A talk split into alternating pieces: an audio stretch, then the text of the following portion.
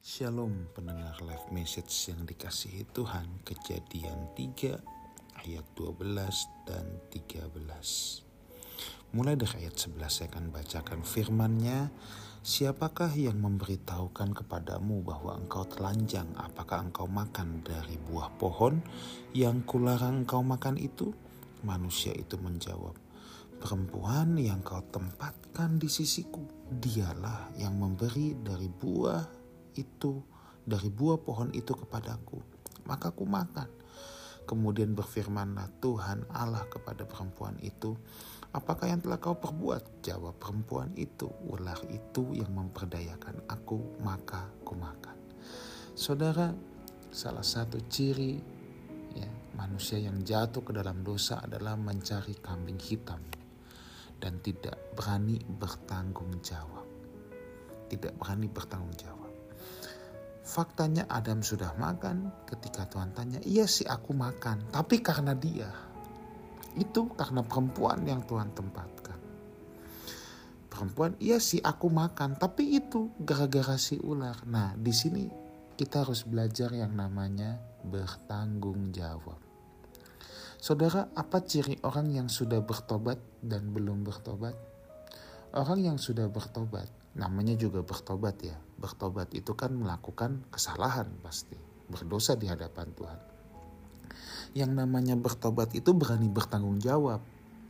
Orang yang belum bertobat tidak berani bertanggung jawab, selalu mencari-cari kesalahan atau menimpakan kesalahannya kepada orang lain, kepada faktor-faktor lain. Dia tidak berani bertanggung jawab atas dirinya, ya Tuhan, aku bersalah ya Tuhan memang aku uh, makan, aku salah, aku minta ampun enggak. Kalau orang yang belum bertobat ya, ini kan Adam belum bertobat saudara saat itu ya.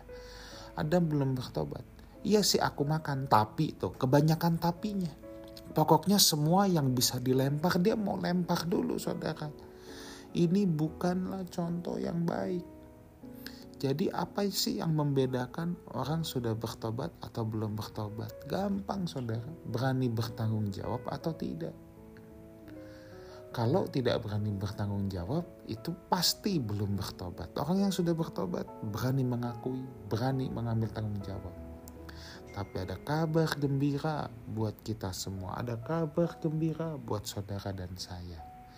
Dosa kita Tuhan pikul di atas kayu salib bukankah kita tidak perlu lagi menanggung akibat dosa tersebut, tetapi memiliki sikap tanggung jawab itu tetap penting. Itu adalah bukti bahwa kita mau serius berubah, kita serius mau hidup seturut salib Kristus. Bayangkan kalau Kristus yang tidak berdosa dijadikan berdosa menanggung, mengambil tanggung jawab akibat dosa kita. Maka kita anak-anaknya, masakah kita tidak berani bertanggung jawab? Kita tidak berani mengakui, jangan lagi bersembunyi, jangan lagi melempar kesalahan kepada hal apa pun. Kalau kita mau mengikuti jalan salib Kristus saudara, dia yang tidak berdosa dijadikan berdosa. Mengambil tanggung jawab itu, maka apalagi kalau dosa kita sendiri, kesalahan kita sendiri. Bertobat, Tuhan Allah yang setia dan adil, dia pasti mengampuni.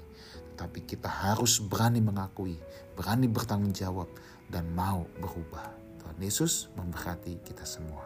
Amin.